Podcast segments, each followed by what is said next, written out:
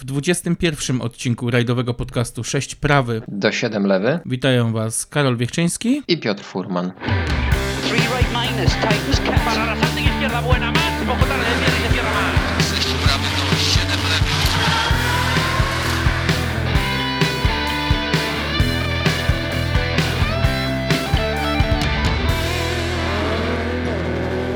dzisiejszym odcinku cofniemy się troszkę w czasie, bowiem jakiś czas temu przeprowadziłeś bardzo ciekawą rozmowę z arcyciekawym gościem. Myślę, że każdy szanujący się fan rajdów samochodowych posiada publikację mm, naszego bohatera w swoim domu i nie będzie tu ani krzty przesady, jeżeli powiem, że to taki nasz polski osobisty Martin Holmes. Tak, dzisiaj zapraszamy Was e, na wywiad e, z legendą dziennikarstwa e, polskiego motorsportu, ale nie tylko polskiego, e, ponieważ pan Mirosław Rutkowski w swoim legendarnym wielkim ściganiu poruszał wątki nie tylko polskiego motorsportu.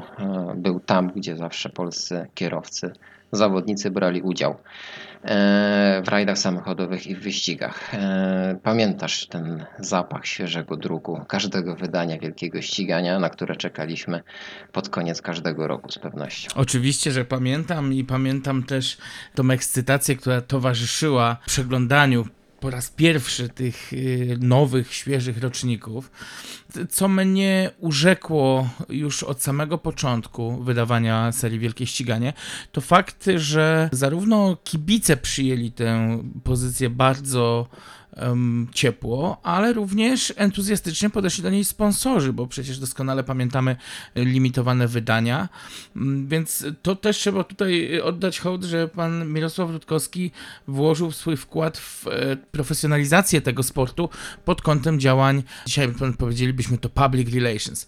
Mm, tak jak wspomniałeś, oprócz relacji z rajdów samochodowych i krajowych i międzynarodowych, książki z cyklu Wielkie Ściganie poruszały tematykę wyścigów y, na arenie polskiej, rallycrossu mm, i też udało się tam przemycić zawsze za, z każdym wydaniem odrobinę historii tego naszego polskiego sportu samochodowego. No i szkoda, że dzisiaj same książki z cyklu Wielkie Ściganie stały się już historią.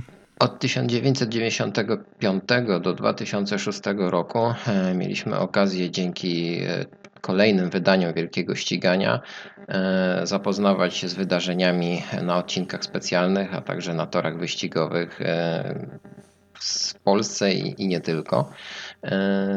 Dlaczego i skąd się wziął pomysł na taką książkę właśnie? E, i dlaczego w którymś momencie niestety ta książka musiała zniknąć z rynku. O tym właśnie porozmawialiśmy z panem Mirkiem, ale porozmawialiśmy także o życiu, e, o tym, co najbardziej mu się podobało e, w tym sporcie i dlaczego pojawił się właśnie na odcinkach specjalnych i torach wyścigowych. Nie pozostaje nam nic innego, jak zaprosić Was, drodzy słuchacze, do poświęcenia tej godziny i zostawiamy Was sam na sam z panem Mirosławem Rutkowskim. 4, 3, 2, 1.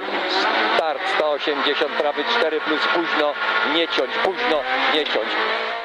E, dzisiaj naszym gościem jest dziennikarz, e, fotoreporter i autor serii roczników e, Wielkie Ściganie, pan Mirosław Rutkowski. Dzień dobry. Dzień dobry.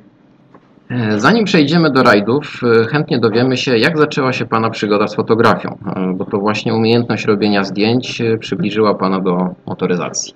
No było kilka startów, a właściwie fal startów. Jako dziecko dostałem aparat druch od mamy, no i tym druchem coś tam robiłem, y, właściwie bez żadnej świadomości i, i tak, no tak robiłem. Potem minęło ładnych parę lat y, z różnymi przygodami y, fotograficznymi, ale takimi amators typowo amatorskimi. Któryś z kolegów lubił fotografię, więc robił. E, jakieś zdjęcia dziewczynom, bo to oczywiście dziewczyny się fotografowało wtedy. E, no i potem przyszedł czas wojska i w wojsku mi się bardzo nie podobało i wymyśliłem sobie, że jak ja będę e, wojskowym fotografem, to nie będę musiał biegać z plecakiem, co częściowo się powiodło, ale problem polegał na tym, że ja o fotografii tak naprawdę nie miałem pojęcia. Wobec tego z tego wojska pisałem rozpaczliwe listy do kumpla, ratuj chłopaku, powiedz co ja mam tutaj zrobić. Był tam jakiś aparat, była jakaś ciemnia, było coś, a ja jak dziecko we mgle tam błądziłem.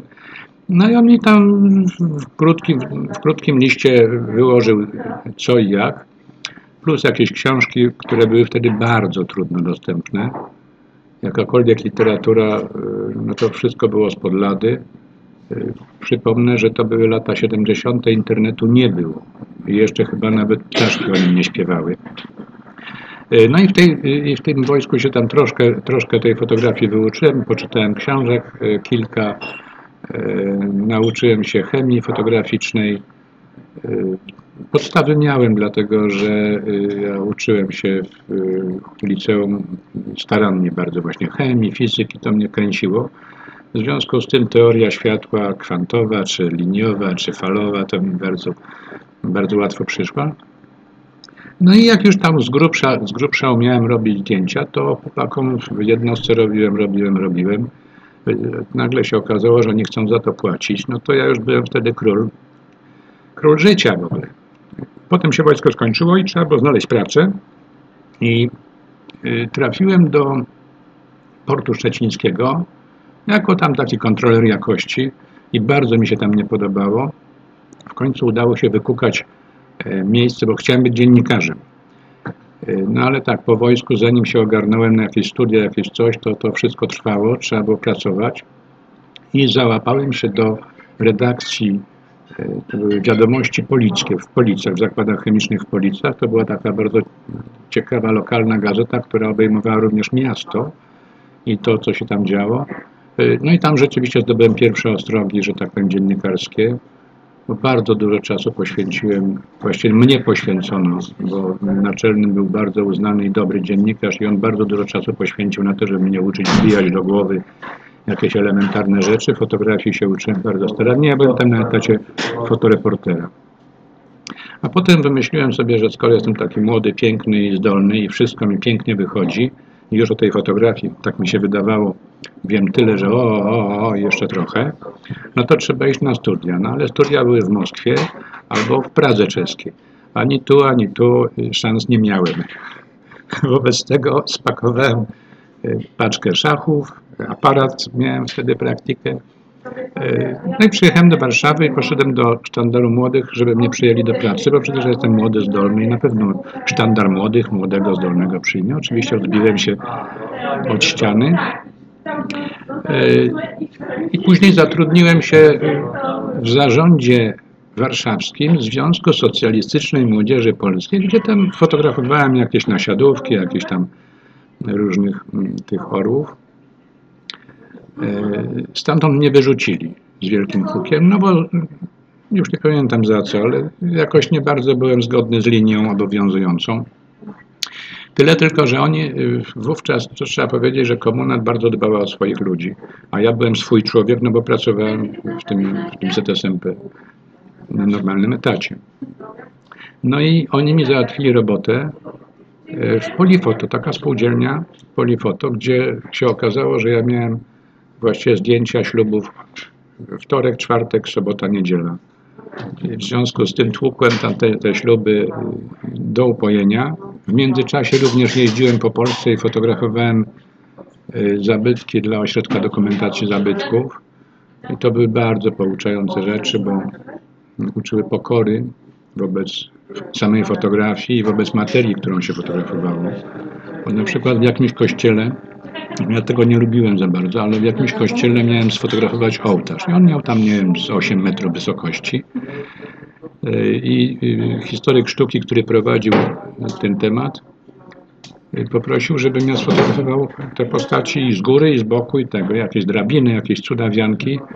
I proszę sobie wyobrazić, z jaką, i to mnie uczyło pokory właśnie, z jaką starannością ówcześni rzemieślnicy, bo to byli rzemieślnicy, podchodzili do swojej roboty. Taki aniołek, który na samym szczycie tego ołtarza był, on miał rze- włosy wyrzeźbione również na czubku głowy. Tam nikt tego nigdy w życiu nie miał prawa zauważyć, ale rzemieślnik to zrobił. No i, i to mnie utkwiło y, i jak gdyby y, zmusiło do, do tego, żeby z, z jednej strony trzeba mieć w sobie od cholery arogancji, żeby pokazać swoją robotę, a z drugiej strony podchodzić z pokorą do tego, co się robi. Potem zacząłem studia y, na Uniwersytecie Warszawskim na Wydziale Dziennikarstwa i tam y, taki był wykładowca, pan profesor Michalski, od etyki dziennikarskiej. Przypominam, to było PRL, więc komuna. I on wkładał nam do głowy, i to y, bardzo intensywnie, że ponosimy odpowiedzialność za słowo, ponosimy odpowiedzialność za obraz.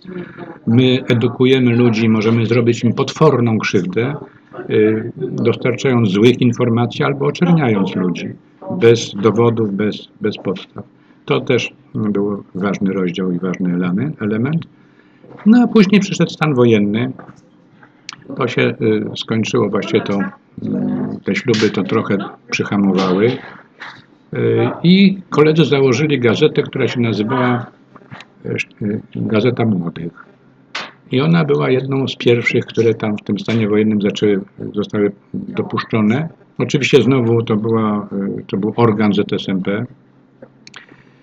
Y, Zespół się zebrał, młody, bardzo ambitny, z takimi ambicjami, żeby pokazywać rzeczywistość, żeby pokazywać tak jak, tak, jak to widzimy. No i najlepszą metodą jest fotografia, więc tam starałem się y, jakieś te fotoreportaże robić. To był wybuch roka w Polsce. Y, Bardzo często jeździłem na rokowiska, jeździłem na różne teatry, teatralne wydarzenia, wszelkiego rodzaju spotkania z zespołami rockowymi, y, w Jarocinie na przykład, to były mm, miejsca gigantycznego buntu. Mm, I ten bunt młodzieży, ten, ten, ta niezgoda na dwoistość rzeczywistości y, była fotografowana przez y, cały szereg y, kolegów, bo to i w redakcji razem świetni fotoreporterzy byli, którzy to rejestrowali. Ja się starałem również to pokazywać i o dziwo cenzura to puszczała. No ale z Gazety Młodych też wyleciałem, bo zrobiłem takie zdjęcie, y, na którym prezydium było pełne, a na sali siedziała jedna osoba, w związku z tym się okazało, że nikt tej partii nie chce słuchać. Wobec tego też wyleciałem z roboty, ale koledzy załatwili mi pracę w tygodniku mleczarskim. No i tygodnik mleczarski to było znowu y, kolejne, kolejna przygoda, bo co prawda z tej gazety mnie wyrzucili, ale potem sfinansowali wystawę o wsi polskiej, którą zrobiłem. I to była taka rozpaczliwa y, wystawa ówczesnych 85, 6 może, 5, 6, 7, gdzie ja fotografowałem jakieś zasmarkane dzieci po wsiach, te ursusy, gdzie jeden reflektor urwany, a drugi tak wisiał na drutach jeszcze, pordzewiałe jakieś elementy maszyn, bo przecież już całych maszyn nie było, bo trzeba było je tam do czegoś. Y, I tą wystawę jeszcze do tego wszystkiego sfinansowali, a wystawa miała miejsce w Pałacu Kultury i Sztuki i Nauki w Warszawie. Ale właśnie, bo jeszcze tutaj daleko jesteśmy od tych samochodów. Bardzo daleko. Jeszcze samochodów e, pędzących szczególnie pan nie fotografuje. Nie, w ogóle nie fotografuję E, samochodów. Ale rozwój fotograficzny no, robi wrażenie. No ja się bardzo, bardzo przekładałem i uważałem, myśmy wtedy w tej grupie fotoreporterów, bo y, muszę przy okazji powiedzieć, że to był czas, kiedy polski fotoreportaż był jednym z najlepszych na świecie. I to bez żadnego y, takiego samochwalenia się. Koledzy robili rewelacyjne zdjęcia i właśnie z, z fotografią pokazywali y, świat taki, jaki jest. I myśmy do tego oczywiście y, dorabiali wielką filozofię, bo się siedziało w ciemni w jakiejś czy w walce młodych, czy w razem, czy gdzieś popijało wódeczkę i dyskutowało o fotografii, o tym, jak opowiedzieć daną historię. Y, Jak to pr- przepchnąć przez, przez cenzurę, żeby to y, zadziałało. Jak wzbudzić emocje u widza. No, cały szereg najróżniejszych rzeczy. No, Przy okazji jeszcze tam Miałem y, zaszczyt uczestniczyć dwukrotnie w y, studium fotografii artystycznej organizowanej przez Związek Polskich Artystów Fotografików. To też mi bardzo dużo dało. Także warsztat fotograficzny rzeczywiście miałem. I otóż z tego właśnie tygodnika mleczarskiego, gdzie fotografowałem czołowe dujki i, producentów serów, y, trafiłem, znaczy mnie się to znudziło, to, to było takie mało kreatywne. Zrobiłem tą wystawę o wsi i już nie miałem specjalnie ochoty. I dosłownie z bomby na ulicy Pankiewicza mieściła się redakcja motoru. Z bomby poszedłem do motoru i y, poszedłem do naczelnego i powiedziałem, że dzień dobry, ja się tu bym chciał zatrudnić, bo jestem fotoreporter, a zakaz pracy w RSW już mi się skończył. Ale idąc do motoru, orientował się pan, e, czym będzie się pan zajmował, ewentualnie, jeśli dostanie pan taką Nie, no pracę. pojęcia nie miałem, fotoreportażem, no, fotografować miałem. No. Czyli jednak te samochody pasją nie były jeszcze. Nie, nie, nie, nie. Ja lubiłem samochód, ale mnie nie było na niego stać. Po prostu samochodami jeździłem okazjonalnie. Co prawda prawo jazdy zrobiłem w 70 bodajże pierwszym roku. Ale samochodami jeździłem okazjonalnie, no, jak się trafiło czyimś. Ale to nie było łatwe. I poszedłem do motoru i dostałem zadanie z fotografowania. Jak, yy, jak pan chce, to bardzo proszę, yy, proszę za tydzień przynieść fotoreportaż, o czym pan chce. No to poszedłem dwa dni później, przyniosłem fotoreportaż o korkach i przebudowach ulic warszawskich. No i się dowiedziałem, że to dobrze, to od jutra pan pracuje. No i się zaczęło. I trafiłem tam na zespół ludzi, no, o których właściwie, co nie wymieniłbym nazwisko, to, to są ludzie dużego formatu y, i wielkiego serca przy tym, bo to są bardzo przyzwoici ludzie, a przy tym y, rzeczywiście rzetelni y, w zawodzie. Głównym opiekunem, jak gdyby moim, to został Boguś Koperski, e, który zajmował się tam sportem, szeroko pojętym sportem. E, No i, i on mnie za uszy zawlókł na pierwszy rajd. Już nie pamiętam, czy tym pierwszym rajdem, co to, to było, czy to był Helmut, e, czy to było e, zimowy dolnośląski. Czyli to już był pierwszy rajd z aparatem i Tak. zadanie wykonania zdjęć na rajdzie No. samochodowym. Miałem, tak, miałem sfotografować, miałem sfotografować rajd, o którym tak naprawdę nie miałem pojęcia. Y, Boguś, y, myśmy wtedy dostali samochód z FSO jakiś i Boguś jechał, mnie wiózł. Aha, ja już wtedy miałem samochód. O. Ja miałem dużego Fiata wtedy, bo z kolei w y, związku, znaczy w Stowarzyszeniu Dziennikarzy były przedziały. Ja się zgłosiłem o malucha, ale maluchów nie starczyło, wobec tego zapytali, czy chcę dużego Fiata. Powiedziałem, że bardzo chcę. I, i oczywiście chcieć to ja mogłem, natomiast nie miałem kasy. No ale już nie pamiętam jak, ale to był y, lewą ręką za prawe ucho. Jakieś cuda. Charakterystyczne dla tamtych czasów. Tak. I, no i miałem tego dużego Fiata, którym jeździłem, y, ale ja nawet nie wiedziałem, że samochód, że silnik powinien być kręcony powyżej 2000, a nie poniżej. Więc taka była moja ówczesna wiedza. Y, Pojechaliśmy na ten rajd y, i ja nie wiedziałem w ogóle o co chodzi. Nie wiedziałem na czym polegają rajdy, nie znałem pojęć elementarnych. Wiedziałem tylko, że samochody pędzą i ja je muszę jakoś w tym, w tej, w tym pędzie mm, złapać. Nie wiem, już nie pamiętam tych, tego materiału, który zrobiłem, y, ale y, no jakoś widocznie wybrnąłem, bo zdjęcia się chyba ukazały jakieś tam w motorze. To, z tym, że w motorze były, y, były to jedno, dwa zdjęcia, potem znowu się wracało do tematu, to jeszcze jakaś ilustracja, ale nie było tego za dużo. I to takie były moje początki, takie pierwsze zderzenie z motoryzacją. No właśnie, lata lecą, zaczynały się potem bardzo szybko już e, lata 90. E, na rajdowych trasach rządził w Polsce Marian Bublewicz, Andrzej No tak. Koper. No E, No już wtedy chyba pan był tak mocno zaangażowany w ten sport i, i wizyty na odcinkach specjalnych były bardziej regularne. no tak, to, no, ja- ja do motoru przyszedłem w 89 roku. I y, w 90 właściwie sport wybuchł. Wcześniej rzeczywiście Andrzej Koper i, Marian Bublewicz, to y, Bogdan Hering, y, Jurek Dyszy z redakcji motoru, no cały szereg. No ja, nie jestem w stanie wymienić tych nazwisk, bo Paweł Przybylski, no nie, no nie, nie. No nie, na pewno nie uda nam się Herba, wszystkich tak nie da się wymienić wszystkich. ale Herba takim, takim maluchem jeździł, potem taką zieloną ładą jakąś. Włodek Pawluczuk. No, ekipa y, niesamowita. To, były, to było zderzenie z osobowościami.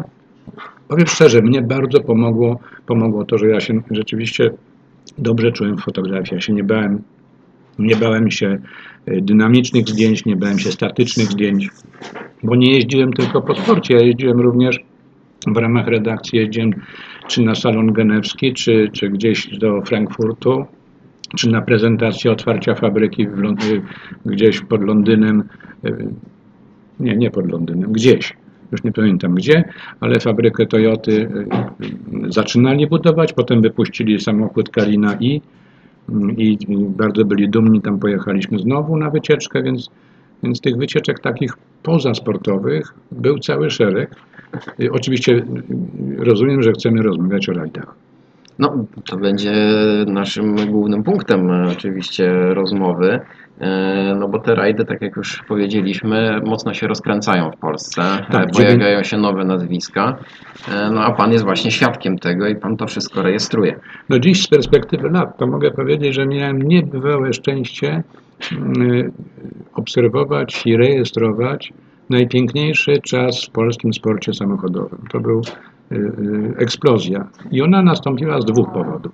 Pierwszym powodem było to, że Polska odzyskując samodzielność i wolność gospodarczą y, była dobrym rynkiem na, y, do walki o klienta.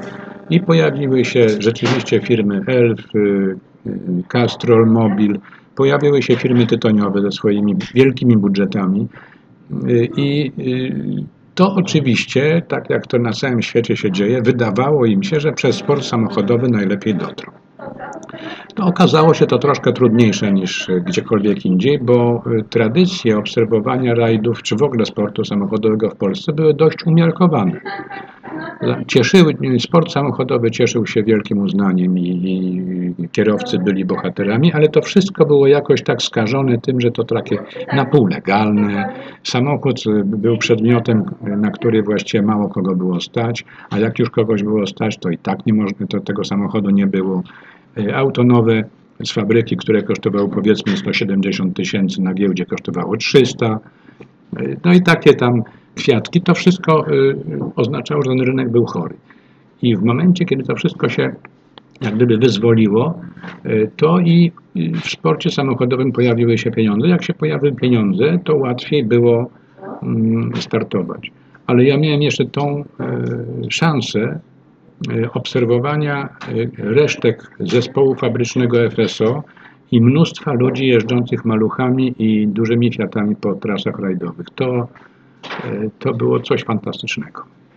Ja pamiętam jeszcze właśnie z- w jednym z numerów tygodnika Motor pojawił się artykuł na początku lat 90. o tym smutnym końcu produktów FSO na odcinkach specjalnych, y, artykuł okraszony Pana zdjęciem. E, No i właśnie, Pan był świadkiem tej przemiany i gospodarczej, Mhm. e, która przekładała się oczywiście też na rewolucję techniczną na Tak. odcinkach specjalnych. Te pierwsze zachodnie samochody właśnie. Pamięta Pan, jakie wrażenie robiły te Fordy, Audi, Toyoty? Przede wszystkim Mazda Mariana. Marian tą Mazdą 323 y, i jeszcze, jeszcze taką żółtą Mazdą y, to jechał Grycan. Młody Grycan.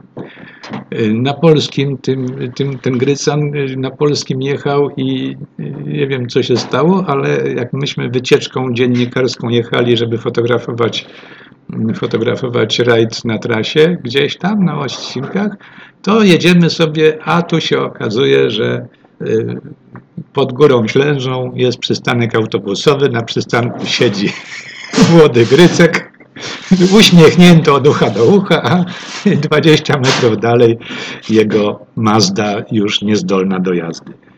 Y, Ale ten, te Mazdy robił rzeczywiście ogromne wrażenie. One y, przy nawet dwulitrowych polonezach, które wtedy były wielkim wow, y, no to były po prostu nie do, nie do wyobrażenia ich osiągi. Krachulec jeździł taką Mazdą. No, przypomnijmy jeszcze Romuald Hałas. Hałas, e, ale to później, odrobinkę później. Tak, potem też jeszcze Marek Sadowski. Tak, e, także tak. tutaj rzeczywiście to, ta marka była bardzo popularna. Ogólnie wtedy japońskie samochody zawojowały Tak. polskimi odcinkami specjalnymi. No nie tylko polskimi, bo też No e, tylko, na tak. arenie międzynarodowej Japończycy mocno się wzięli do pracy. No bardzo, y, z Toyotami głównie chyba to się wiąże. Natomiast to był czas, kiedy y, Marian właściwie już y, kończył taką, skończył zabawę, z, czy też przygodę, swoją karierę z y, FSO, który to zresztą zespół się rozpadał. Y, Szukał swojego, swojego miejsca, swojej drogi. Podpisał wspaniały kontrakt z Marlboro i z Fordem. On jeździł przez jakiś czas Fordem Sierrą z wielkimi sukcesami krajowymi. Jeździł również na pojedyncze rajdy międzynarodowe, tam został dostrzeżony i podpisał kontrakt praktycznie rzecz biorąc na jazdy ówczesnym e, eks, eskortem, e, eskortem WRC, znaczy on się nie nazywał chyba WRC, A to był agrupowy Ford. A grupowy e, Ford. No można powiedzieć prosto z fabryki. e, Tak. No i wtedy wielkie zapowiedzi na 93 rok, między Tak. innymi rajd Safari, który był marzeniem Mariana. Tak, i, i to miało być jechane. No niestety w pierwszym rajdzie, w pierwszej odsłonie tego sezonu e, ówczesnego e, w walce o ułamki sekund, to już nie o sekundę, ale o ułamki sekund z dwoma Toyotami, e, Marian jechał samochodem nie swoim i e, w nieco innej konfiguracji niż zazwyczaj. Yy, No i doszło do tego tragicznego wypadku, o którym wszyscy yy, doskonale wiedzą. Mm, I to był dla nas wszystkich, dla całego środowiska, to był, to był gigantyczny szok, to było takie uderzenie obuchem w łeb i uświadomiło nam wszystkim, jak, jak bardzo ryzykowny jest to sport. Jak, jak to jest ogromnie niebezpieczne, jak jeden z kolegów dziennikarzy na brzuchu trzymał krew, żeby ją ogrzać, żeby Marianowi przetoczyć. No, smutek był, a jednocześnie rajd się toczył dalej. Rajd nie został zatrzymany natychmiast. Do wieczora dojechał, chyba następnego dnia było już zatrzymanie, ale, ale było to bardzo, bardzo smutne rozpoczęcie sezonu. No i oczywiście przerwana kariera Mariana, który był chyba wtedy w szczycie swoich możliwości i technicznych, i jeśli chodzi o doświadczenie, y, i zaplecze sponsorskie, i zaplecze techniczne. No, o ambicjach e, i osiągnięciach Mariana Bublewicza moglibyśmy mówić Długo. dużo, Tak. e, ale tak jak powiedzieliśmy, no, życie toczy się dalej. E, Te rajdy w Polsce e, nabierają rozpędu w dalszym ciągu. E, Mówiliśmy o tych dwóch Toyotach, e, Paweł Przybylski, Marek Gieruszczak. Tak. E, ale chyba takim najbardziej punktem zwrotnym był rok 95. Hołowczyc w agrupowej Toyocie, Paweł Przybylski w agrupowym Eskorcie. Y, Ja uważam, że pierwszym przełomem to był 92, koń- y, rajd Wisły 92, gdzie Toyota, polska Toyota, zakupiła dwa samochody i te dwa samochody stanęły na starcie, budziły lęk wszystkich potworny, bo to były agrupowe samochody, którym kończyła się homologacja, więc u nas jeszcze mogły tam rok czy, czy, czy dwa pojeździć, natomiast w Mistrzostwach Świata nie. Y, I te samochody na starcie nie odpaliły, obydwa. Bo tam była procedura jakaś odpalania y, aut, było chłodno, i, i, i, ale to był przełom. Dlatego, że później przecież rok w następnym rajdzie, w rajdzie zimowym, te, te Toyoty właśnie jechały w sposób, y, znaczy zawodnicy tymi Toyotami jechali w sposób koncertowy i, i pokazywali, że możliwości tych samochodów są przeogromne i tak. I rzeczywiście moim zdaniem to był przełom, bo potem y, y, to, że Krzysiek Hołowczyc wystartował A-grupową Toyotą, on zaczął od dużego Fiata, a potem jeździł N-grupową Toyotą. I jeździł w zespole Toyoty również. No i, i tak, potem, potem pojawiły się te samochody agrupowe. Paweł Przybylski przesiadł do agrupy, y, y, Krzysiek się przesiadł do agrupy, y, Robert Herba jeździł agrupą, Kulik jeździł agrupą, może nie w tym samym czasie, ale Kuchar jeździł agrupą. Także to y, nagle się porobiły te samochody mm, bardzo konkurencyjne i pojawiły, się różne marki samochodów, bo to, to jest też ważne, że poza tymi Toyotami, one potem się oczywiście w tej wersji skończyły, jedna została rozbita, druga, drugą nie wiem nawet co się stało. W każdym razie y, y, obok Toyot były Fordy, Cosworthy wówczas. Takim, takim Cosworthem jeździł Romek Hałas na przykład przez jakiś czas. Y, One były i N-grupowe, i A-grupowe. Y, Pojawiła się y, Renówka z Meganką, a potem z Clio. I to były samochody rzeczywiście. No Ja mówię o latach, to znaczy nie o jednym sezonie, ale to pojawianie się tych samochodów i tych marek oznacza, że bardzo duże zaangażowanie finansowe było wówczas w sport samochodowy. To, to są czasy, kiedy pojawił się puchar y, Cinquecento. Cinquecento, potem y, S Cinquecento, y, dwa rajdowe puchary jechały Cinquecento i jechał wyścigowy puchar Cinquecento, Cinquecento Sporting, więc Fiat też się mocno zaangażował. No i ostatni kontrakt, jaki Janusz zawarł, to też był z Fiatem, że też miał jeździć, miał jeździć w Mistrzostwach Europy. Działo się, działo się dużo i na odcinkach specjalnych, i na torach wyścigowych. E, Ja świadomie zmierzam do tego 95 roku, e, bo tutaj pojawia się kolejne pytanie. Kiedy pojawił się pomysł wydania rocznika podsumowującego wydarzenia ze świata motorsportu? A pojawił się wtedy, kiedy pod koniec 1994 roku trafiłem, trafiło mi się podsumowanie mm, samochodu, pod, znaczy sezonu rajdowego WRC. To słynna, e, legendarna wręcz pozycja, e, bardzo pożądana. E, I jak to zobaczyłem, pomyślałem sobie, przecież u nas tyle się dzieje, tym bardziej, że jeździłem po różnych dyscyplinach i widziałem, że to nie tylko się dzieje dużo w rajdach. Była jeszcze ta atmosfera takiego romantyzmu, takiego, mm, takiego wzajemnego wspierania się, ogromnego wzajemnego szacunku i uznania dla siebie. Na trasie y, chłopaki walczyli w zasadzie na rzęsach, natomiast później wspólnie popijali wódeczkę i bardzo się przyjaźnili. I to nie, i, i to nie było udawane. Tam, tam nie było nieszczerości. Tam było, była atmosfera taka, że ja ci pokażę na trasie, a potem, potem wspólnie idziemy na obiad, czy, czy na kolację, czy na jakąś balangę. Y, To się kończyło powoli, ta, ta atmosfera zanikała.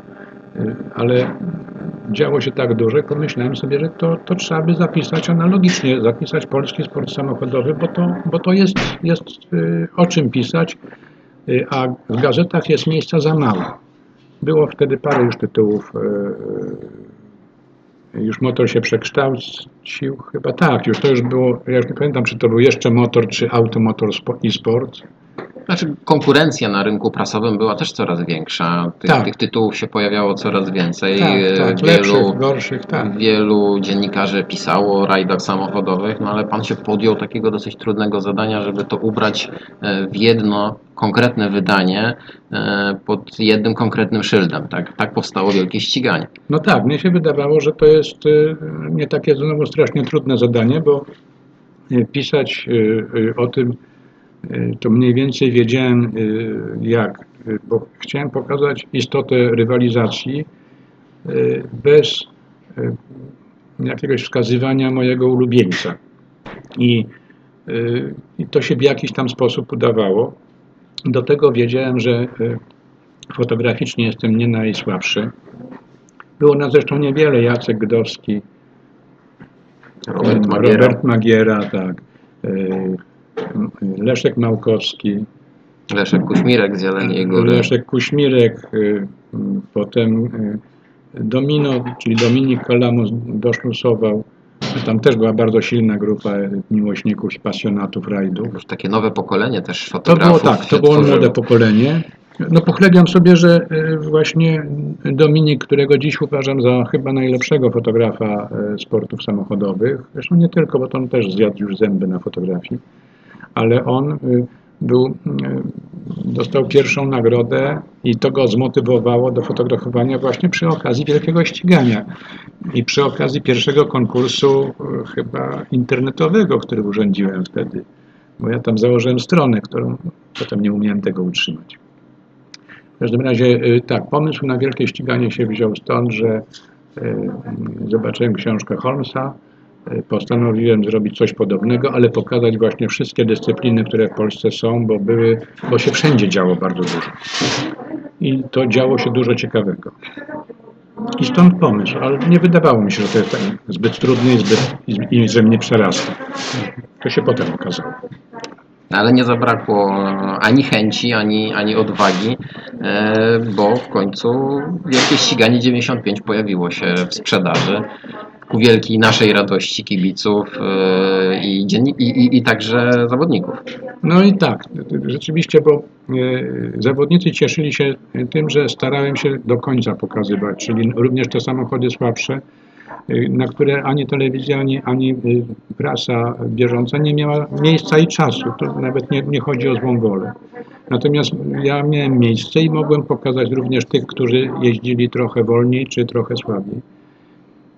To jest jedna rzecz. Druga rzecz, y, ja muszę się przyznać, że ja złapałem niesamowitego bakcyla sportowego za sprawą właśnie przede wszystkim Jurka Dyszego i Bogusia Koperskiego z redakcji Motoru. Jurek przecież to jest chłopak, który ma na koncie też tytuły mistrzowskie w rajdach. On w klasie A5 y, Peugeotem y, zrobił tytuł właściwie w cuglach.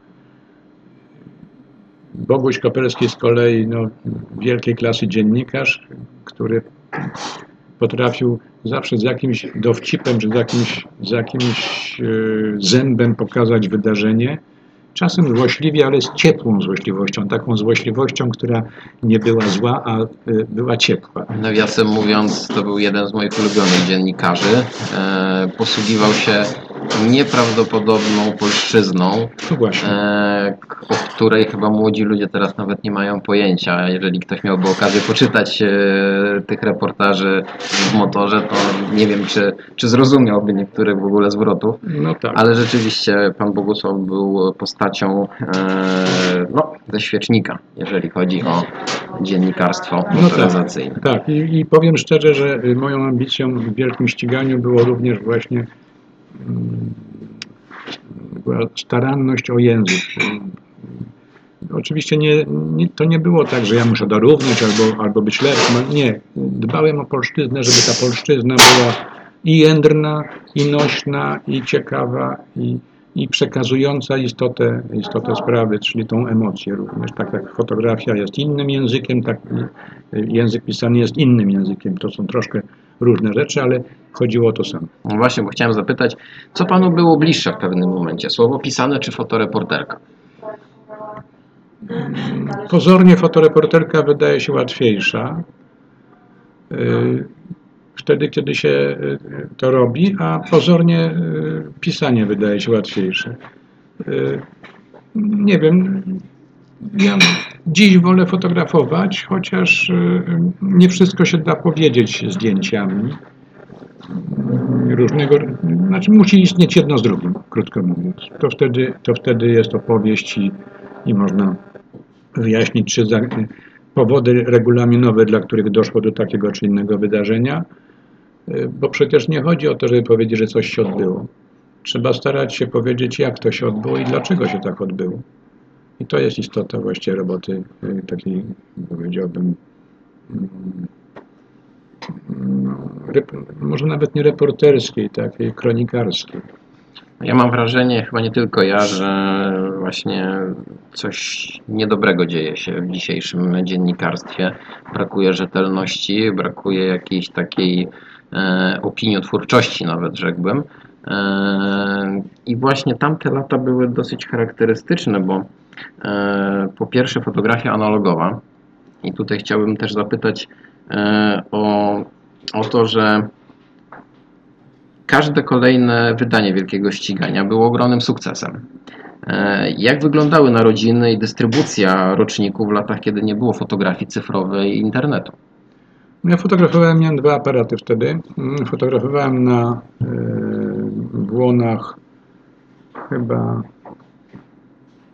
na Kodaku chyba robiłem, albo na Fuji, już nie pamiętam chwili. W każdym kupo- razie kupowałem to hurtowo, nie wiem, 200 rolek, 300 rolek na raz. Y, W czasie jednego rajdu potrafiłem zrobić kilkanaście rolek, czyli jeżeli ma 36 klatek, mm, to było to y, 360 do 400 zdjęć. Potem z tym jechałem do zaprzyjaźnionego, do zaprzyjaźnionego e, zakładu fotograficznego, gdzie już w procesie C41 e, wywoływali. E, Robili mi sztyki. Ja na podstawie styków wybierałem fotografie do motoru, czy do innych tytułów, które wtedy zlecały zadania i wybierałem sobie zdjęcia do wielkiego ścigania i prosiłem o zrobienie odbitek takich jak tutaj. I te odbitki później opisywałem, tu nawet będzie taka y, jakaś ze dwie odbitki, y, które były opisane do drukarni. Y, Robiłem makietę, która była według starej klasycznej zasady narysowana taka na formacie A- A3, strona po stronie, na stronach były tam po kolei ile tekstu tam tego, teksty były złożone Mm, Znaczy pierwszy skład robił mi, robiła mi firma na zlecenie, a potem już drugi skład robiłem samodzielnie w PageMakerze. I tam umieszczałem sobie wszystkie zdjęcia, wszystkie tego. Do drukarni dostarczałem fotografię, ja znajdę tą, to pokażę jak to wyglądało, bo to jest dość mało znane. Tak, tutaj mamy kilkaset y, odbitek y, z lat 90. między innymi. E, Będziemy starali się je pokazać e, w trakcie wywiadu. O, tu mamy Krzyśka Wołowczyca i, i, i Wiślaka kochanego yy, z wczesnych dość lat, prawda? 95 rok najprawdopodobniej. I z tyłu mamy opis, że to jest na stronie 82 fotografia pierwsza i podstawa. Czyli to miało być zrobione w ten sposób, że na foto, fotoskładzie w drukarni oni robili zdjęcie, podstawa była 81, wysokość była obliczona i, i na, y, w programie było krateczka o, o proporcjach tego zdjęcia o podstawie 81 mm. I potem to się znajduje w wielkim ściganiu y, W już odpowiednim miejscu. w odpowiednim miejscu, tak. Właśnie, ale też sprzedaż, bo trzeba to przecież e, zareklamować, e, No, proces rozprowadzić. Tak, proces wyglądał w ten sposób, że e, zbierałem materiał. Znaczy jak trochę napisałem, e, te zdjęcia przygotowywałem dlatego, że gdybym ja to odłożył na koniec, to e, kwota, którą miałbym do zapłacenia byłaby nie do zniesienia. Także fotografie miałem przygotowane i taką opowieść fotograficzną miałem, natomiast y, teksty były tak zaczęte, rozgrzebane, jeden napisany, drugi nie. Y, No i najważniejsze rzeczy miałem, zbierałem wszystkie kwity z rajdów, żeby mieć wyniki, żeby mieć y, dane. No i, później trzeba było tak planować, żeby po ostatnim rajdzie zrobić wszystkie tabelki, podsumować wyniki, kto wygrał, kto, kto, kto tam zajął które miejsce. I I trzeba było to wszystko napisać i zrobić i wydrukować tak, żeby na święta na, na, przed gwiazdką ludzie mogli dostać, czyli jeszcze ze 2-3 tygodnie wcześniej odebrać z drukarni. Wobec tego y, zaczynała się spina tak gdzieś w październiku, to już tak pośladki ściśnięte, wiatrak między pośladki i jedziemy. No i, i tak pisałem, składałem, pisałem, składałem te zdjęcia, wybierałem, y, skreślałem, pisałem od nowa. Y, Moja partnerka robiła mi korektę, rugała mnie, ja ją. Y, Potem się tego, ja to jakimś łyskaczykiem się polało, to znowu jedziemy szybko, żeby zdążyć, żeby zrobić. I to była taka dość upiorna praca, ale dająca ogromną satysfakcję, bo jak już rozdział się skończyło, to było takie uff, no ale jeszcze zostały trzy kolejne, no i tak dalej. Y, Robiłem to i ambicją było to, żeby pokazać wszystkie dyscypliny, jakie y, samochodowe, motorowe, jakie w sporcie są. Nawet była ambicja taka, żeby pokazywać motocykle, ale to już nie dałem rady. Ale w pierwszym wydaniu pojawił się motocross. Tak, pojawił się motocross, byłem na, y, chyba to była eliminacja, czy runda Mistrzostw Świata w Gdyni, czy Gdańsku, no w Trójmieście w każdym razie. Y, I, i tam byłem, narobiłem fajnych fotografii i, i uznałem, że to trzeba zrobić. Y, Wszystko to miało być sfinansowane przez sponsorów. To był czas właśnie, myśmy mówili wcześniej y, o tym, że przyszły pieniądze y, i promocja y, produktów, czy marek, czy, czy znaków graficznych była wtedy bardzo istotna. I, I to się oczywiście zauważa również w wielkim ściganiu. To widać. Widać tam takim bardzo rzetelnym i fajnym partnerem był Mobil przez lata. Był Castro, był automo- Automobil Klub Rzemieślnik. Y, nie wspomnę wszystkich, ale były y, na przykład Chłopskie Jadło zrobiło swój rozdział y, o chłopskim jedle. Przy takim dla mnie wielkim wydarzeniem to była śmierć Janusza Kuliga. Ja już miałem gotowe wydanie, oczywiście spóźnione, ale gotowe wydanie i, i zatrzymałem, wycofałem z drukarni całe wydanie, żeby zrobić jeszcze rozdział o Januszu. I to robiłem ze ściśniętym sercem, z drugiej strony zaś mm, z takim poczuciem obowiązku, że wobec y, człowieka, którego y, mam prawo uważać za kolegę, znaczy trudno mówić, że przyjaciela, ale kolegę, którego bardzo, bardzo szanowałem i ceniłem, chociaż różnica wieku między nami była taka, że mógłbym być pewnie jego, jego ojcem. Ale to był chłopak, który zasługiwał na y, wielkie uznanie. Pewnie miał jakieś wady, ale ja ich nie znam. Natomiast y, tworzyli z Jarkiem Baranem parę niesłychaną zupełnie. Y, I to co, to, co robili na trasach i ich zachowanie poza rajdami, to, y, to był właśnie ten cały świat, cały świat ludzi z wielką klasą. Klasą intelektualną i klasą pewną taką codzienną, takiego zachowania, które y, nie prowadziło do obrażania, czy też do robienia przykrości komukolwiek. Chociaż jak kroili tyłek y, rywalom, no to sprawiali im przykrość. Opisał to Pan dobrze w, we wstępie o całej tej historii właśnie, że to tak nagle się stało i że to trzeba było jednak e, zmodyfikować trochę pracę nad wydaniem. Ale faktycznie zdjęcia od malucha praktycznie do samego końca. No. No jest Pan jeden z tych no niewielu chyba, którzy właśnie widzieli całą tą karierę. Tak, ja o Januszu jako zawodniku dowiedziałem się od Błażeja Krupy. To była sytuacja, chyba ja o tym chyba nawet pisałem gdzieś. To była sytuacja na rajdzie krakowskim. Janusz jechał tylno-napędową korolką w barwach Afili, tak, też taka firma olejowa, już pewnie zapomniana. E, I Błażej tak mnie trąca w rękę, mówi, zobacz, to jest zawodnik, zobacz jak on jedzie. Ja patrzyłem, patrzyłem, patrzyłem, no rzeczywiście jedzie. I przy kolejnym odcinku, który obserwowaliśmy, a to była taka, ta partia to była jakaś taka partia, już nie pamiętam odcinka specjalnego, który to był, ale to była partia taka szutrowa, y, wypadało się z prostej z lasu, do lewego, do prawego, do lewego i na y, szosę, znaczy na asfalt.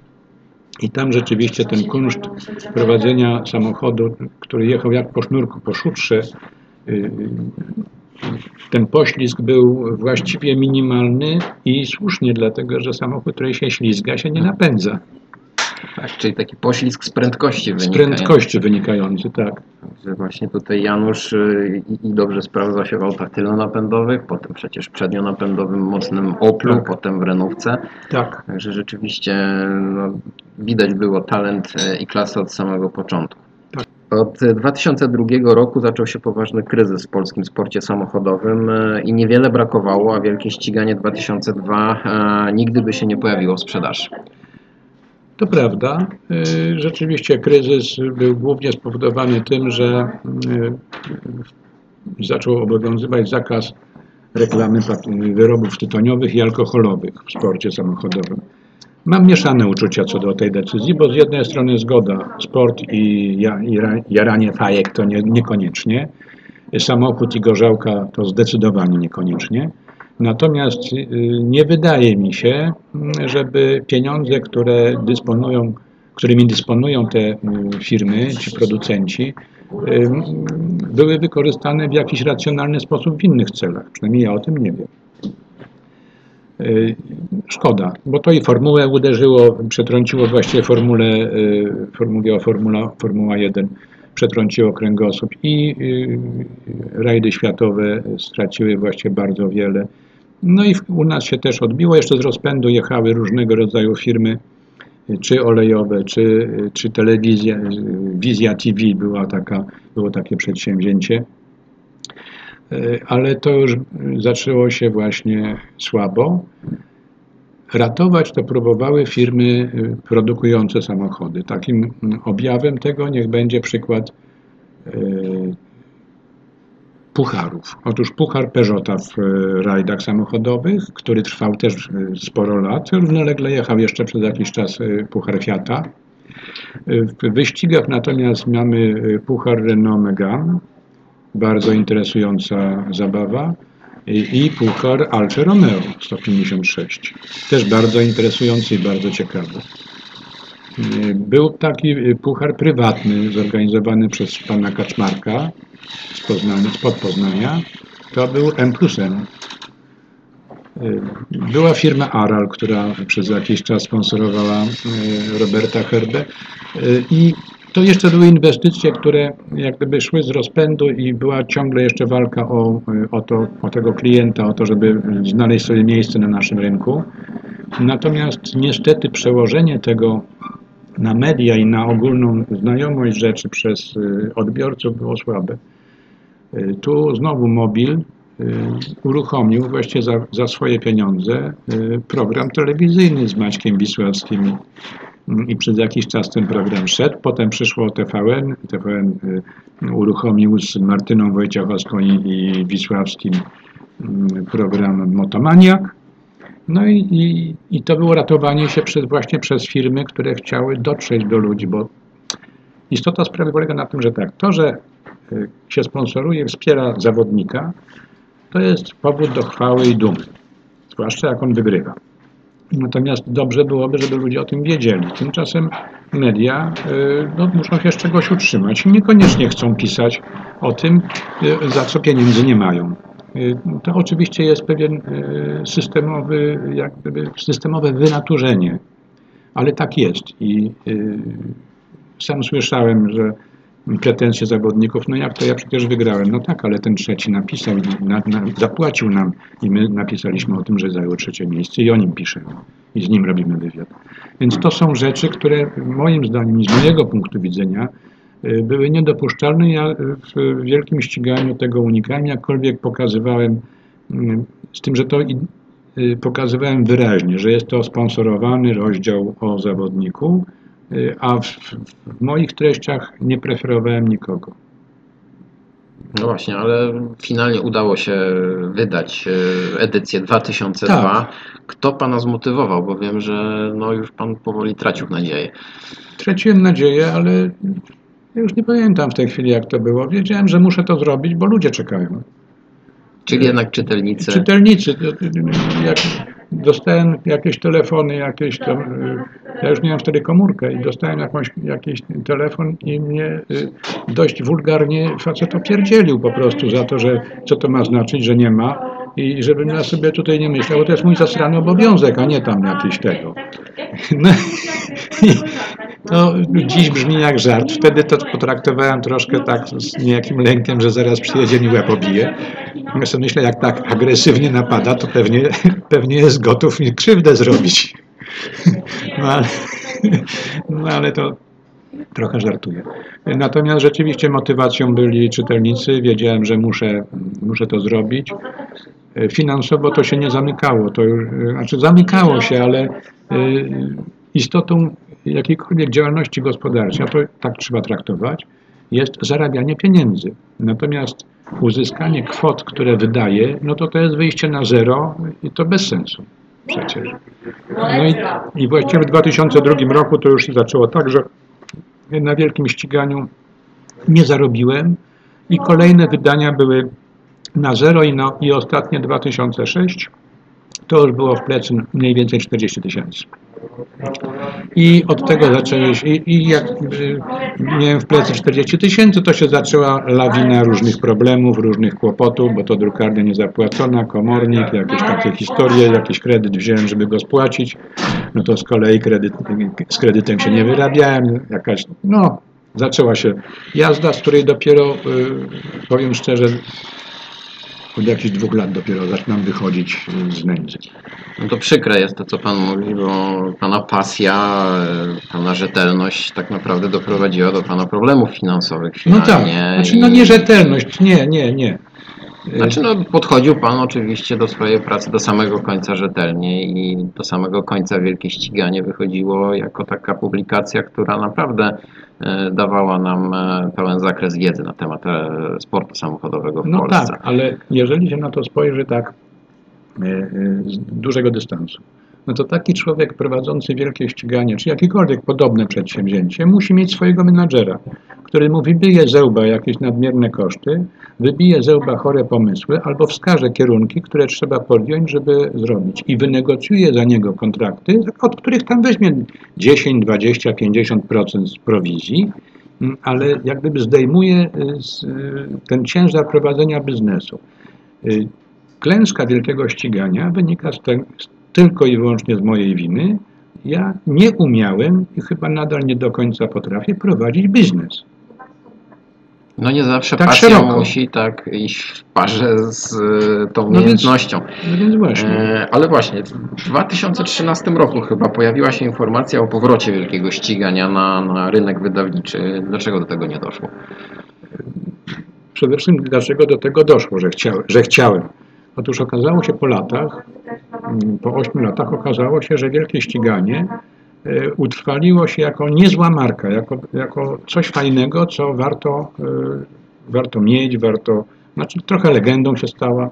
E, No to ja postanowiłem wobec tego wykorzystać i skonsumować tą mm, popularność, którą wtedy wydawało mi się. I znowu mm, pewna mm, moja nieudolność biznesowa spowodowała to, że prawdopodobnie gdzieś e, źle coś zrobiłem e, w sensie koncepcji czy też modelu biznesowego, bo mm, koszty prowadzenia takiego przedsięwzięcia jak wielkie ściganie muszą mm, uwzględniać koszty dojazdów, koszty materiałów, kosztów pracy, koszty noclegów, żarcia po drodze, benzyny i tak eksploatacji samochodu i wielu takich różnych, różnych rzeczy, jak aparat, jak obiektyw, jak, nie wiem, wódeczka jakaś e, raz na jakiś czas, no, normalne życie. E, I jeżeli nie jestem w stanie zapewnić, to produktu nie jestem w stanie zrobić. E, I koszty, minimalne koszty, jakie obliczyłem na sezon, no to, jest, to, było około 40-45 tysięcy, żeby e, wyprodukować wielkie ściganie. I taką kwotę musiałem mieć zagwarantowaną, żeby po zrobieniu wielkiego ścigania je wydrukować, mieć pieniądze na drukarnię. Y, Ewentualnie sprzedaż miała być y, zyskiem. No ale z kolei oszacowanie y, wielkości rynku i chłonności rynku co do nakładu jest teraz, a i wtedy już było bardzo trudne. Ludzie generalnie przestali czytać książki. Jest bardzo niewiele osób, która, które czytają i są gotowe wydać pieniądze na książkę, bo nie jest to tym, tym to samo przeczytać książkę, a ją kupić.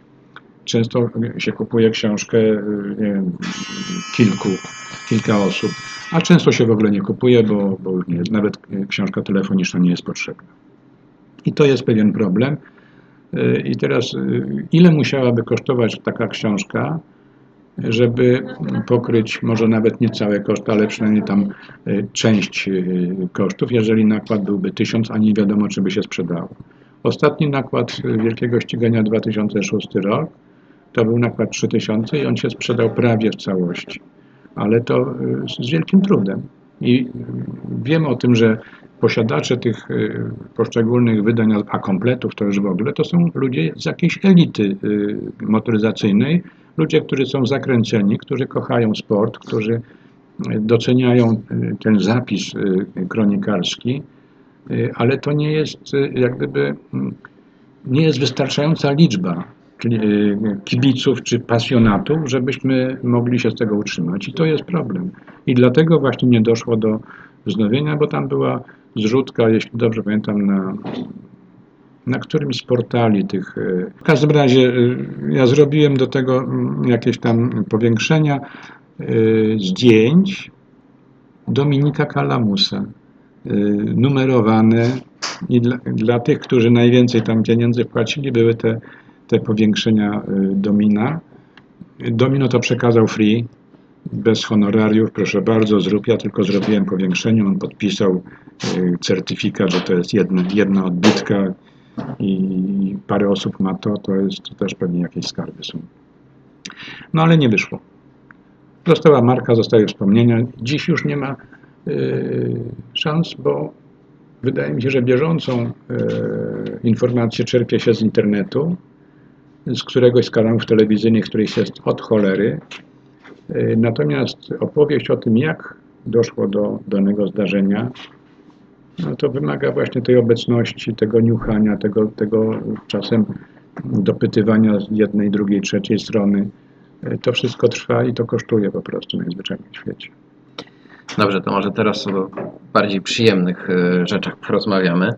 E, Był Pan na niezliczonej ilości rajdów i w Polsce i za granicą.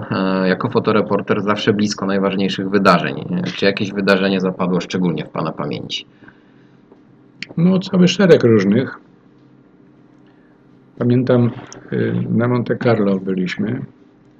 Y, Jechały tam polskie załogi i najbardziej kibicowaliśmy Kuzajowi, który y, no, tam był chyba trzeci czy drugi w, w, w, klasie N. On chyba N-ką jechał wtedy. No i trzymaliśmy z Bogusiem Koperskim, siedzimy, pijemy takiego grzańca, bo to tam zimno jak cholera, gdzieś tam idziemy i, i trzymamy kciuki, żeby dojechał. No niestety, wydzwonił i na tym się skończyło i pamiętam, jak Boguś słał cię, ciężkie joby. No, mógł dojechać, nie mógł zwolnić, musiał zapierdalać. Bo, no bo e, Kuzej jest zawodnikiem, był zawodnikiem, który jechał wszystko albo nic. I i u niego nie było nie było tego, co w rajdach jest cholernie ważne, mianowicie wyobraźnia i kalkulacja. Rajdy to nie są wyścigi, gdzie się idzie pełnym gwizdkiem na granicy, tylko rajdy muszą. W rajdach trzeba mieć wyobraźnię i wyobrazić sobie, co może być za zakrętem. Jeżeli się mówi czasem, że y, zawodnicy fińscy przed hopą przyspieszają, bo za hopą może być prosta, to, to w sposób taki bardzo ironiczny pokazuje filozofię y, rajdów, że coś może być, ale nie musi. I to na to nie musi, że może być, ale nie musi, trzeba być przygotowanym. I mm, Leszek y, chyba nie umiał y, tego, że coś może się zdarzyć. Oczywiście tam wpadł na plamę lodu, to, to nie on jeden zresztą, no ale to jest jeden, jedno z wydarzeń. No, strasznym wydarzeniem było, był wypadek Jan, y, Mariana Bublewicza. To pamiętam, z Andrzejem Koperem siedzieliśmy przy, tak, przy, przy barze. Już, już wiedzieliśmy, y, dostaliśmy wiadomość, że, że Marian nie żyje. I siedzieliśmy przy jakimś tam drinku, długo milcząc. I w pewnym momencie y, Andrzej mówi, bo widzisz,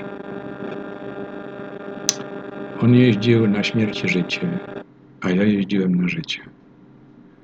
I znowu siedzieliśmy długo w milczeniu.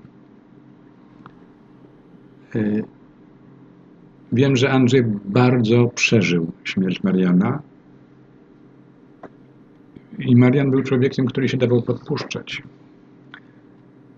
Pamiętam na którymś rajdzie znowu, wcześniej, nie, chyba na Elmocie, jest y, jakaś czy komasacja, czy, czy serwis, czy przed startem do kolejnego odcinka.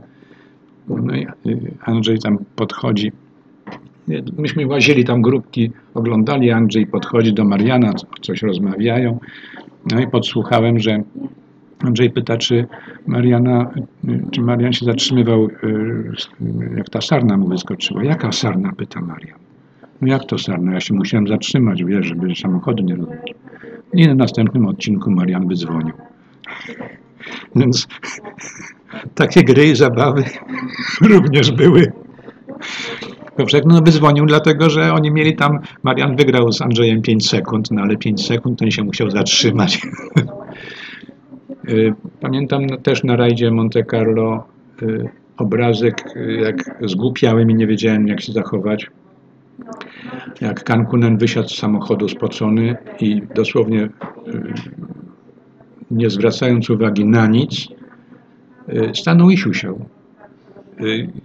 I któryś stojący obok mnie fotoreporter za aparat i fotografuje. No i, i skończyłoby się bójką, bo ja powiedziałem, że nie wolno, że tak się nie robi. I mu ten aparat tam zacząłem, to chciał mi dać po ryju, ale ja wtedy też sobie nie dawałem w kaszę dmuchać. nie było źle. Takich wydarzeń Takich wydarzeń było mnóstwo. W zasadzie pamiętam y, smutne bardzo wydarzenie y, i w ogóle klimat taki cały na rajdzie Kormoran, kiedy mm, Paweł Przybylski, wielkiej klasy zawodnik, doskonały kierowca, wsiadł do Hyundai'a i to była tak straszna klęska i tak strasznie upokarzające, bo Hyundai WRC i przyjmował tam na odcinku na kilometrze, nie wiem, 10 sekund, czy tego typu, tego typu historie. A, a, a Paweł jechał, co, jechał wszystko, co mógł. Więc to było takie też y, bolesna i, i, i trudna strona rajdów. No właśnie, ja wspomniałem o tym, że zawsze był Pan blisko tych wszystkich wydarzeń e, z racji wykonywanej e, roli. E, no ale pamiętam historię, że swoimi częściami poratował Pan jednego kierowcę.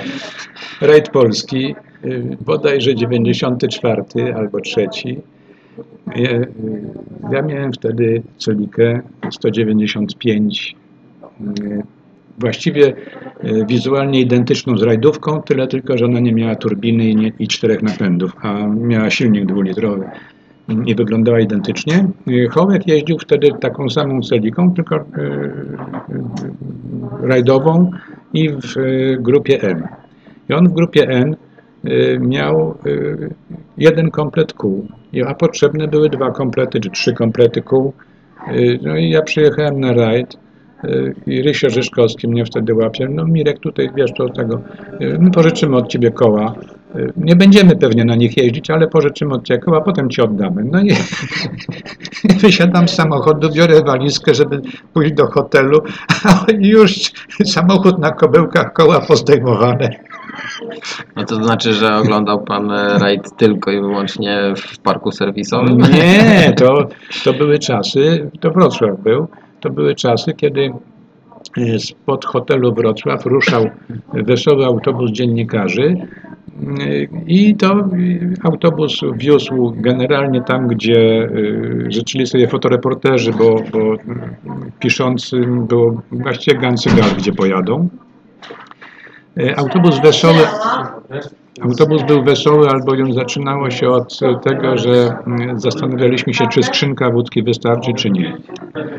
Zazwyczaj wystarczała, a nawet coś zostawało. E, Niemniej e, był to naprawdę wesoły autobus. E, No i się jechało na odcinek jakiś tam, nie wiem, Srebrna Góra, czy Rościszów, czy, gdzieś tam. No i myśmy leźli, tam paru fotoreporterów było, myśmy leźli fotografować, y, a dziennikarze zbierali materiał. Właśnie, rajd polski, e, rajd legenda. Jak Pan wspomina te wszystkie edycje dolnośląskie i czy przenosiny tego rajdu na Mazury dobrze zrobiły tej imprezie, czy jednak nie? Trudno mi powiedzieć. Wydaje mi się, że rajd y, na Dolnym Śląsku jak gdyby wyczerpał, czy też środowisko y, dolnośląskie wyczerpało swoje możliwości, jeśli chodzi o kreatywność. Y, Rajd jechał po tych samych drogach, po których wcześniej zazwyczaj jeździł Elmot czasem. Raz się chyba zdarzyło, że Elmot jechał po, po rajdzie polskim. Mm, To y, no, tworzyło to, że odcinki specjalne były legendarne, ale tak jest na każdym rajdzie. Y, Pojawiły się jakieś niedoskonałości, zdarzyły się wypadki w czasie mm, rajdu, wypadki z serwisów. Drogi były przeciążone, już się, y, trzeba pamiętać, że już się pojawiło dużo samochodów, w związku z tym zaczęły się robić korki. Y, Szkoda tego rajdu z y, ziemi dolnośląskiej, ale okazało się, że eksperyment z rajdem polskim na, w Krakowie też się nie sprawdził. Natomiast na szutrowych trasach rajd zyskał bardzo, dlatego że szutry są niezwykle atrakcyjne i ponieważ tam są takie trasy i można tych, tych tras na wybierać jeszcze ciągle sporo, Jedynym problemem jest właśnie organizacja ruchu e, i tego cywilnego, i tego rajdowego. E, Ale chyba per saldo, jak się tak popatrzy, no to chyba e, przyniosło to więcej dobrego niż złego, bo, bo przecież właśnie w Mikołajkach był WRC, a nie tylko Mistrzostwa Europy. Trudno nie zapytać Pana o osobiste sympatie dotyczące zawodników. Który z kierowców na przestrzeni lat zrobił na Panu największe wrażenie? Trudno mi powiedzieć, dlatego że ja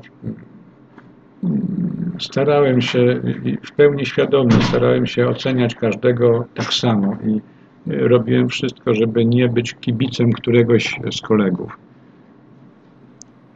Podziwiałem, już ja wspominałem, już parę nazwisk wspomniałem, y, ale wszystkich tych nazwisk się nie wymieni, bo no, Jacek Sikora, który właściwie nie jest specjalnie znanym zawodnikiem, a też y, z dużym, dużym potencjałem. Y, Nieudany start na rajdzie Monte Carlo spowodował to, że w zasadzie śmieli się tylko i tyle. A to, a to naprawdę do, bardzo dobry, bardzo dobry kierowca. Lesio Orski, no przecież legenda Wąsata, no, kochany taki strasznie facet, też z wielką pasją. Mm, Nie wiem, A taki może niezrealizowany talent według Pana największy w Polsce? Kto takim kierowcą mógł być, a z różnych przyczyn nie został? Myślę, że takich talentów to jest od cholery, dlatego że sport samochodowy, zwłaszcza dziś, to są yy, nie, to jest nie tylko talent i praca zawodnika, czy właściwie zespołu, ale to są gigantyczne pieniądze w sprzęt. I te gigantyczne pieniądze w sprzęt y, spowodują to, że wielu bardzo zdolnych chłopaków y, nie jest w stanie nawet pokazać swoich możliwości. Dlatego, że przepaść sprzętowa jest y, między samochodem, który kosztuje ogromne pieniądze, 150 tysięcy złotych, a 300 tysięcy euro, to to jest przepaść taka, której się nie da nadrobić talentem, po prostu. I tu y, ja nie ważę się wymienić nazwisk ludzi, którzy się nie spełnili, bo być może oni się nie spełnili z zupełnie innych powodów. Może nie chcieli. Nie wiem. Ale to jest, y, to jest sport, który zawsze był sportem elitarnym. Wymagał dużych pieniędzy, bo przecież początki polskiego sportu, jeszcze przedwojenne, no to byli ludzie, jaśnie państwo, posiadający gigantyczne majątki. Tak, rajdy samochodowe, No. automobilizm, Tak. tenis ziemny Tak. i jazda konna to były takie Tak. dyscypliny elitarne. Elitarnej to y, pracowali na to y, chłopi wsi podległych, y, albo robotnicy w fabryce, natomiast znowu można mówić o tym, że to niesprawiedliwe, ale świat nie jest sprawiedliwy po prostu. Nie, nie potrafię wymienić nazwisk i nie, nie ważę się nawet, dlatego że y, jest tak wielu zawodników. Starałem się wszystkich wymieniać wielkim ścigami. I myślę, że pochopne ocenianie y, kogoś, kto przegrał jeden, drugi, trzeci rajd y, czy wyścig, że on się nie nadaje, to, to może być pochopne. Trzeba to zważyć bardzo wiele czynników, żeby nie zrobić krzywdy po prostu oceną. Okej, a na arenie międzynarodowej, bo pamięta Pan lata 90. w Mistrzostwach Świata, pamięta Pan takich zawodników jak Tommy Mäkinen, Colin McRae, Carlos Sainz. E, Kto wtedy robił na Panu największe wrażenie? Bo Największe widział wra- Pan na żywo przecież też Tak, największe wrażenie, największe wrażenie y, na mnie y, to myśmy chyba w Moguncji byli. Na takim wyjeździe zorganizowanym przez Castrola i Toyotę pojechaliśmy na, mm, nazwać to można jakimiś testami y, opon. I w tych testach opon w Toyotach, tych nowych już 109, nie, w tych starych 165 Y, Ja byłem tam chyba jednym z trzech czy czterech dziennikarzy. Był z nami mm, y, Krzysio Hołowczyc i jeździli w tych samochodach, wozili nas tak, y, y, pan, y, tacy panowie jak y, Schwarz, Oriol i Cancunen.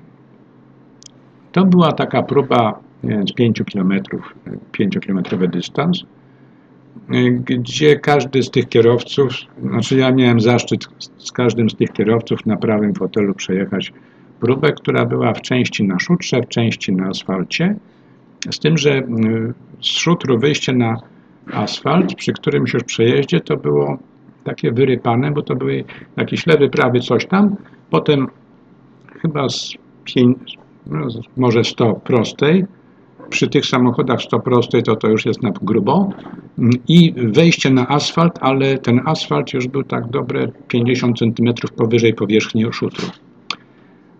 E, I dopadamy tam, no to ja już widzę urwane zawieszenie i w ogóle do widzenia się z Państwem, na tym się skończy zabawa. E, Pierwszy raz jechałem z Oriolem, e, który posługiwał się tymi e, wszystkimi dźwigniami, tak jakby dotykał przedmiotów z waty. To takie płynne, delikatne ruchy. I on jakoś tak zrobił, że to było tak, że auto się pochyliło, podniosło, wskoczyło, skręciło, pojechało. A to jest a pół metra ściany przed nami. No to... Y, Potem Cancunen jak jechał, to on jechał, już wiedziałem o co chodzi. Y, y, Schamował, potem bardzo intensywnie dodał gazu, przód się podniósł, koła wskoczyły, przejechaliśmy. Szwarc trochę bardziej kwadratowo, ale podobnie, natomiast zdumiony byłem, że Hołek pojechał bardzo podobnie, właśnie jak Oriol. Też mocno uderzając biegami, ale ruchy płynne, ruchy takie y, nie gwałtowne, y, y, szarpane, tylko płynny ruch, mocny, zdecydowany, ale płynny. No, także ta, takie przeżycie y, to jest jedno z ciekawszych, które, które mam.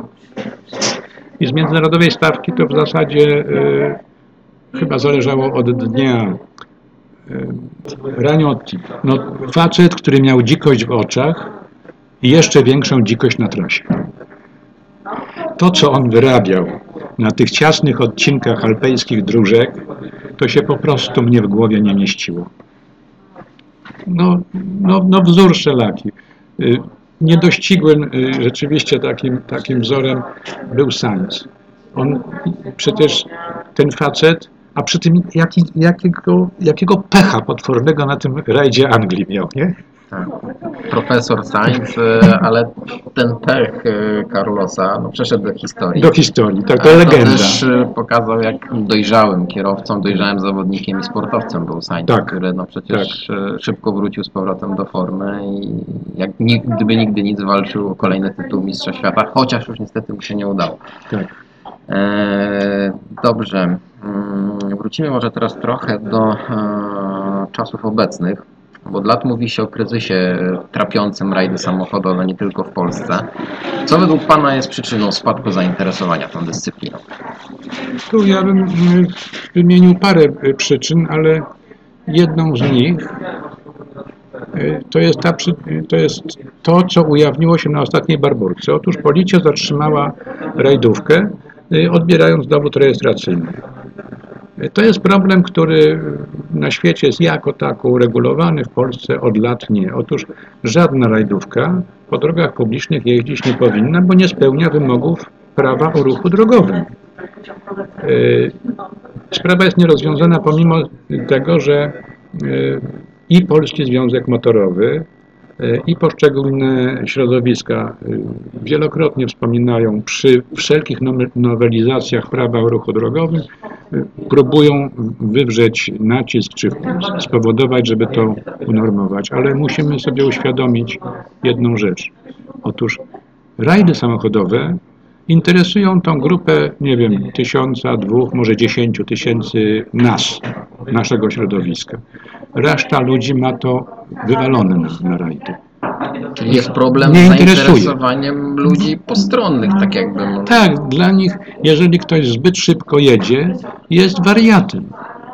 E, I niestety y, również trzeba powiedzieć, że niektórzy to, ujmę to, za- pseudozawodnicy, którzy kończą jakąś pojeżdżawkę, jakąś amatorską imprezę, oni jeszcze przez trzy dni kombinezonu nie zdejmują i w kasku jeżdżą po ulicach, y, zamiatając ogonem, bo, bo on jest ciągle na rajcie.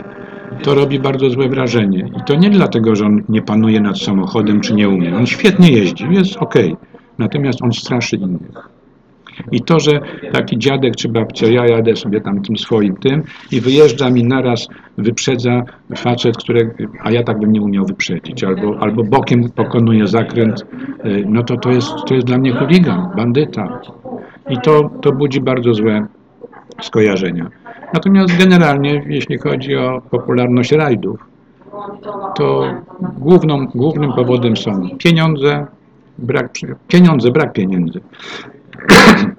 Po to, żeby odnosić sukcesy, wszystkim się wydaje, że trzeba jeździć samochodami po 300 tysięcy euro. Tymczasem przepisy, które y, promują właśnie tak drogie samochody, prowadzą do tego, że rajdy stają się coraz mniej popularne. Być może y, ograniczenie mm, techniczne i, sport, i finansowe y, samochodów, y, nie tych topowych do Mistrzostw Świata czy Mistrzostw Polski, ale takich powiedzmy w tych klasach niższych, y, tak żeby to było dostępne, tak jak wiele pojeżdżawek jest dostępnych, jakieś sprinty, y, jakieś Kajotesów już nie ma praktycznie, bo, bo nie trzeba kajotesu, bo można licencję zrobić siedząc e, przed egzaminatorem. Czyli po pierwsze pieniądze, po drugie wydaje mi się, że e, to, co mówiłem o tym zainteresowaniu, że jesteśmy niewielką grupą ludzi, którzy chcą w tym uczestniczyć. Po trzecie, komu są rajdy potrzebne? Producentom samochodów, Coraz mniej. no nie, dlatego że przecież teraz potrzebne jest to, żeby sprzedać te elektryki nieszczęsne, które moim zdaniem są e, ślepą uliczką, ale może się mylę. E, może wyścigi, bo na wyścigi samochód jedzie na lawecie, rallycross, wyścigi, wyścigi górskie e, i samochód nie zagraża, ale oczywiście jak się postawi dom przy torze, który trwa już tam przy torze wyścigowym, stawiam dom i natychmiast zaczynam protestować, że mi warczy. Więc to też nie ma po prostu świadomości ogólnospołecznej, że rajdy i wyścigi w ogóle sport samochodowy jest przydatny. Mam wrażenie, że zabrakło trochę takiej kultury Motoryzacyjnej, tak. e, w naszym kraju, ale nie tylko. Nie tylko. E, I to też właśnie przenosi się na sport e, samochodowy, Wie który pan właśnie co? tak naprawdę nie wiadomo komu jest potrzebny Wie teraz. pan co? To jest trochę tak. Czy wie pan, jak jest zbudowany pana telefon komórkowy? Niekoniecznie, nie? Większość ludzi nie wie, jak jest zbudowany ich samochód, co tam działa. Nie rozumie, co się tam kręci, dlaczego jakiś olej trzeba wlać i dlaczego on mu wyświetla, że trzeba serwis zrobić. Przecież jedzie. Myślę, że to jest właśnie ten element tej kultury motoryzacyjnej. W czasach, kiedy ja się uczyłem jeździć, ja chciałem zrozumieć, co w tym Fiacie tam warczy, co puka, co stuka, dlaczego jest taka śmak. Y, A dziś y, człowiek kupuje samochód, wsiada, jeździ. Leasing się skończył, oddaje, bierze następny i nawet nie musi go serwisować. Czy śledzi pan bieżące wydarzenia w rajdach samochodowych? Ja nie wiem, straciłem, y, jeśli chodzi o, o, polski, o polskie rajdy, to straciłem zainteresowanie, zainteresowanie może dlatego, że, że przestałem robić wielkie ściganie. Także nie wiem, y, jak wielkie emocje w tej chwili towarzyszą Mistrzostwom Polski. Y, Oczywiście w jakiś tam sposób się interesuję, ale to nie jest takie zainteresowanie zawodowe czy też pasja. Interesuję się niejako z rozpędu. Podziwiam Kajetanowicza, który z ogromnym uporem i, i, i wspaniałym, wspaniałymi rezultatami y, jeździ. Y, Podziwiam Maćka Szczepaniaka, którego pamiętam jeszcze z czasów, kiedy jeździł z Kucharem, y, y, a dziś jest mistrzem świata. Mało się o tym mówi, a warto. Warto pogratulować, bo to jest ogromny, ogromny sukces. To jest dopiero trzeci człowiek w polskim sporcie samochodowym, który ma taki tytuł. I drugi Ja- pilot. tak, ja nie wspominam, nie wspominam y, y, sobie słowa zasady, który ma trzy tytuły Mistrzostw Europy, które miały wtedy rangę Mistrzostw Świata. Y, Także to y, można powiedzieć, czterech mamy y, orłów najlepszych na świecie, ale tak czy owak jest to wielki sukces, który został właściwie przemilczany. Ja nie wiem dlaczego. Nie, no nie nie znam polskich rajdów. Widzę, że one są z dokumentów, widzę, że one są coraz krótsze, że to już przestaje być takie wyzwanie, gdzie mm, normalny rajd to było kilkanaście odcinków po kilkanaście kilometrów każdy. A dziś to się odbywa wszystko jakoś tak kompaktowo, jakoś krótko.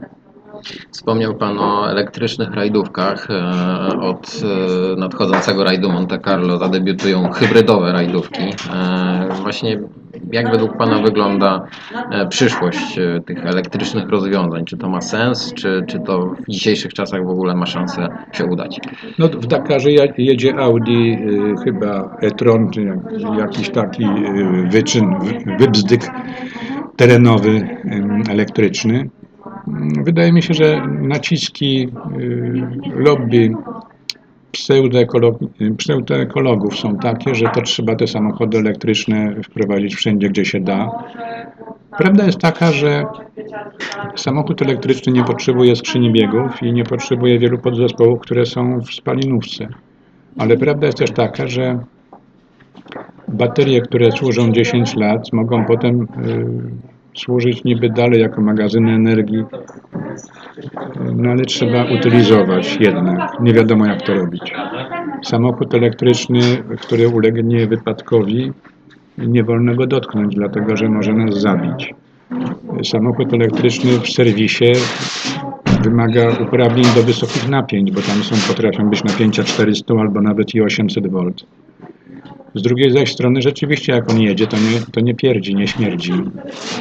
No właśnie, nie wydaje dźwięków. No, rajdy nam się kojarzą zawsze e, z głośnymi e, samochodami, strzelającymi ogniem. Tego, tego chyba zabraknie już nieodwracalnie, o ile rzeczywiście ta formuła pełni elektrycznych samochodów rajdowych e, zostanie zrealizowana. Prawda jest taka, że y, jesteśmy przyzwyczajeni do brzmienia silników wyczynowych, natomiast istota rajdów, tak jak w każdym sporcie, polega na rywalizacji. Y, Więc rajd może się odbywać na hulajnodze, aby, aby rzeczywiście ta y, rywalizacja była na najwyższym poziomie i wtedy musi to, może to budzić emocje. Natomiast y, nie wydaje mi się, żeby nie wspomniałem o tym, ale może to jest powód, dla których rajdy stają się coraz mniej popularne. Otóż samochody są coraz bardziej doskonałe. Sfotografowanie auta w tej chwili na e, trzech kołach albo na jednym kole jest trudne, dlatego że zawieszenia pracują w sposób doskonały. W związku z tym prowadzenie tego samochodu wymaga nieco innych umiejętności, yy, a może po prostu jakiejś straceńczej odwagi y, niż y, wtedy, kiedy ten duży Fiat jechał na, na byle hop, co on już się wygibał już tam trzeba było się ratować. I tej pracy, tego, tej, tego panowania nad samochodem było dużo więcej. Może to jest też jedna jeden z powodów, dla których rajdy są coraz mniej popularne. A wracając do elektryków, moim zdaniem y, jest to chybiony ruch. Koszty produkcji, y, ekologiczne koszty produkcji samochodów elektrycznych, wziąwszy pod uwagę baterie, energię do ich napędu, y, budowę tych wszystkich stacji, są dużo większe niż eksploatacja, dłu- dłuższa, odpowiednio dłuższa eksploatacja samochodów klasycznych. Tak mi się wydaje. I uważam to za działania pozorne na rzecz Ziemi, która chyba już jest skazana. No właśnie, nie, nie wiemy jeszcze, jak będzie to wyglądać. E, Możemy sobie tylko pogdybać e, na razie. E, Zapytam jeszcze na koniec e, o takie pana rajdowe marzenie. E, Z kim, jakim samochodem i na jakim odcinku specjalnym chciałby się pan przewieźć? Przejechać na prawym fotelu. Ja myślę, że, że ja takich marzeń to nie mam. Jeździłem, miałem zaszczyt jeździć z Januszem Kuligiem, miałem zaszczyt jeździć z Krzyśkiem Hołowczycem. Wspominałem o e, kierowcach Toyoty, światowych kierowcach Toyoty. E, Takich marzeń nie mam. Ja jako anegdotę wspomnę, e, jak w szpitalu czekałem na zabieg, na operację. No i nie ukrywam, nam palce u nóg się trochę podwijały i nie mogłem zasnąć. No i zamknąłem sobie oczy i sobie wyobraziłem odcinek specjalny Rościszów Walin i wyobraźnie przejechałem ten Rościszów Walin sam. Potem przejechałem z e, herbą. Potem przejechałem z Kuzajem. Wszystko w wyobraźni. I zasnąłem. Okej, no czyli można powiedzieć, że Rościszów Walim to będzie ten e, OS marzeń. E, o samochód nie pytam, bo w przypadku Leszka Kuzaja to było wiele samochodów. tak. E, no ale powiedzmy, że niech będzie to Toyota Corolla WRC. Nie, samochód, samochód taki, który ja uważam za najpiękniejszy samochód e, rajdowy w dziejach, oczywiście to jest moje bardzo subiektywne zdanie, to jest Toyota Celica e, 185 ST. Dlatego, że ja taki samochód miałem. No. Korolkę też miałem, ale, ale bardziej mi się podoba Celica. Bo to ona, się, ona się fajniej prowadziła jednak, bo y, Korolka troszkę tak y, w porównaniu z Celiką to jak gokart, natomiast Celika to tak, taka, taka, taka zamiatająca. Wybór Toyoty był podyktowany rajdową pasją? No wtedy? pewnie. Fioła miałem, jak, jak y, chłopaki jeździli tymi Toyotami, wówczas y, y, y, cywilne były dwie takie, y, y, fabry, mówię o Toyocie Motorpoland. Były dwie takie cywilne, Jedna, jedną jeździł dyrektor, a drugą, drugą czasem jeździł któryś z zawodników, a czasem nie. Była niby taka testowa dla dziennikarzy i tak dalej. No i były te rajdówki, które były y, rajdowymi. No i dotąd kukałem, tam dotąd kukałem, aż mi ten, ten dyrektorski egzemplarz sprzedali. Bo ja dostałem po prostu fioła. Y, Sprzedali, znowu numer się powtórzył. Oczywiście sprzedali, kupiłem sobie samochód, na który mnie absolutnie nie było stać. I na ten samochód nie miałem pieniędzy. Sprzedałem korolkę, no ale to była tam, nie wiem, jedna trzecia czy jedna czwarta. Na szczęście Toyota Motor Poland była życzliwa, powiedzieli mi, że dobra, to spłać, to najwyżej poczekamy trochę. No i czekali cierpliwie, ani razu się nie upomnieli o pieniądze i tak w ciągu roku spłaciłem. Także to, to był mój ulubiony samochód. Dobrze, to tym e, akcentem e, o rajdowym samochodzie marzeń e, zakończymy naszą rozmowę. Serdecznie dziękuję za rozmowę. E, Ja jeszcze tylko na koniec to chciałbym wszystkim i słuchaczom, panu i sobie życzyć, żeby ten rok, który się zacznie za chwileczkę, bo rozmawiamy w ostatni dzień y, 2021 roku, żeby ten rok, który się zacznie, był zdrowy, ciekawszy i milszy dla nas wszystkich. dziękujemy serdecznie. Three right minus, tightens